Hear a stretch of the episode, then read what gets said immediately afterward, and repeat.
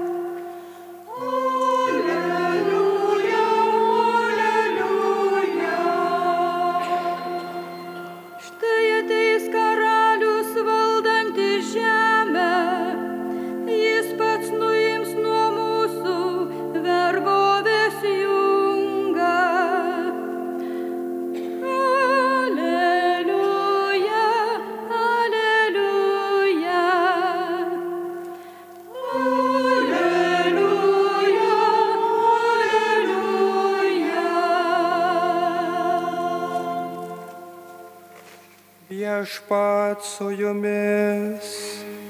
ir su tavimi.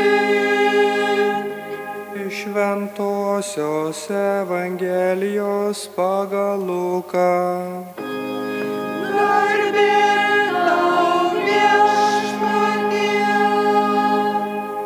Vieną dieną Jėzus mokė žmonės. Ten sėdėjo fariziejų bei įstatymo mokytojų, kurie buvo susirinkę iš visų Galilėjos ir Judėjos kaimų, taip pat iš Jeruzalės. O viešpaties galybė skatino jį gydyti sergančius. Štai vyrai neštuvais atgabeno paralyžiuotą žmogų. Jie bandė jį įnešti vidun ir paguldyti priešais Jėzų. Nerasdami pro kur įnešti dėl žmonių gausybės, jie užlipo ant plokščiastogio ir praardė plytas, nuleido jį kartu su neštuvai žemyn, į vidurį ties Jėzumi. Matydamas jų tikėjimą jis tarė, žmogau, tavo nuodėmės tau atleistos. Tuomet rašto aiškintojai ir fariziejai pradėjo svarstyti, iš kur šitas pikžodžiautojas, kasgi gali atleisti nuodėmės, jei ne vienas Dievas. O Jėzus, perpratęs jų mintis, prabilo, kam jūs taip manote savo širdyje, kas lengviau, ar pasakyti tavo nuodėmės tau atleistos, ar pasakyti, kelkis, imk savo gautą ir vaikščio. O kad žinotumėte žmogaus sūnų turint žemėje gali atleisti nuodėmės, čia jis tarė paralyžiuotajam, sakau tau, kelkis, imk savo patalą ir eik namo. Tas to jau atsikėlė jų akivaizdoje, pasėmė neštuvus ir šlovindamas Dievą nuėjo namo. Visus pagavo nuostaba ir jie garbino Dievą. Apimti baimės jie kalbėjo. Šiandien matėme nuostabių dalykų. Girdėjote viešpaties žodį.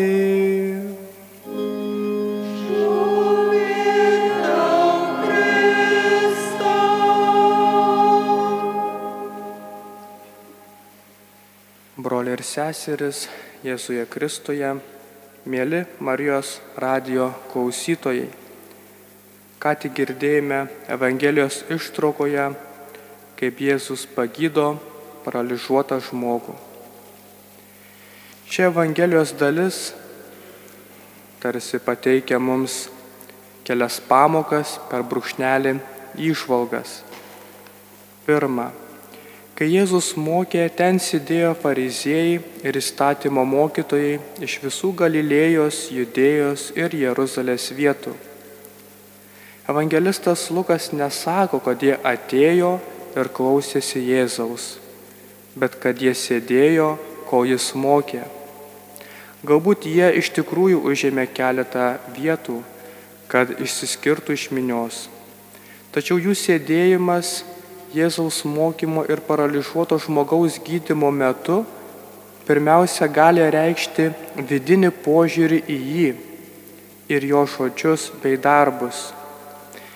Jie buvo nenuoširdus Dievo tiesos klausytojai, o sėdintys stebėtojai, laukiantis, kol Jėzus suklups ir padarys nors vieną klaidą. Antra. Evangelistas pabrėžia, kad Jėzaus gydomoji gale buvo viešpatės jėga, tai yra Dievo. Todėl jis buvo ne koks nors gydytojas, gydantis kokią nors teigiamą energiją, spinduliuotę, jos romėmis ar magišką gale, o Dievo sūnus, tikrasis viešpats Dievas, turintis savyje dievišką galę. Iš ties savo dieviškumą ir dieviškąją galę jis atskleidžia ten kiekvienam esančiam, kai ne tik išgydo tą paralyžiuotą žmogų, bet ir atleidžia nuodėmės. Jis atskleidžia, kad yra ne tik fizinių kūnų, bet ir žmonių sielų gydytojas. Trečia, kas paskatino žmonės atvesti sergantį vyrą pas Jėzų. Ogi tikėjimas jo gale ir meilę paralyžiuotam žmogui.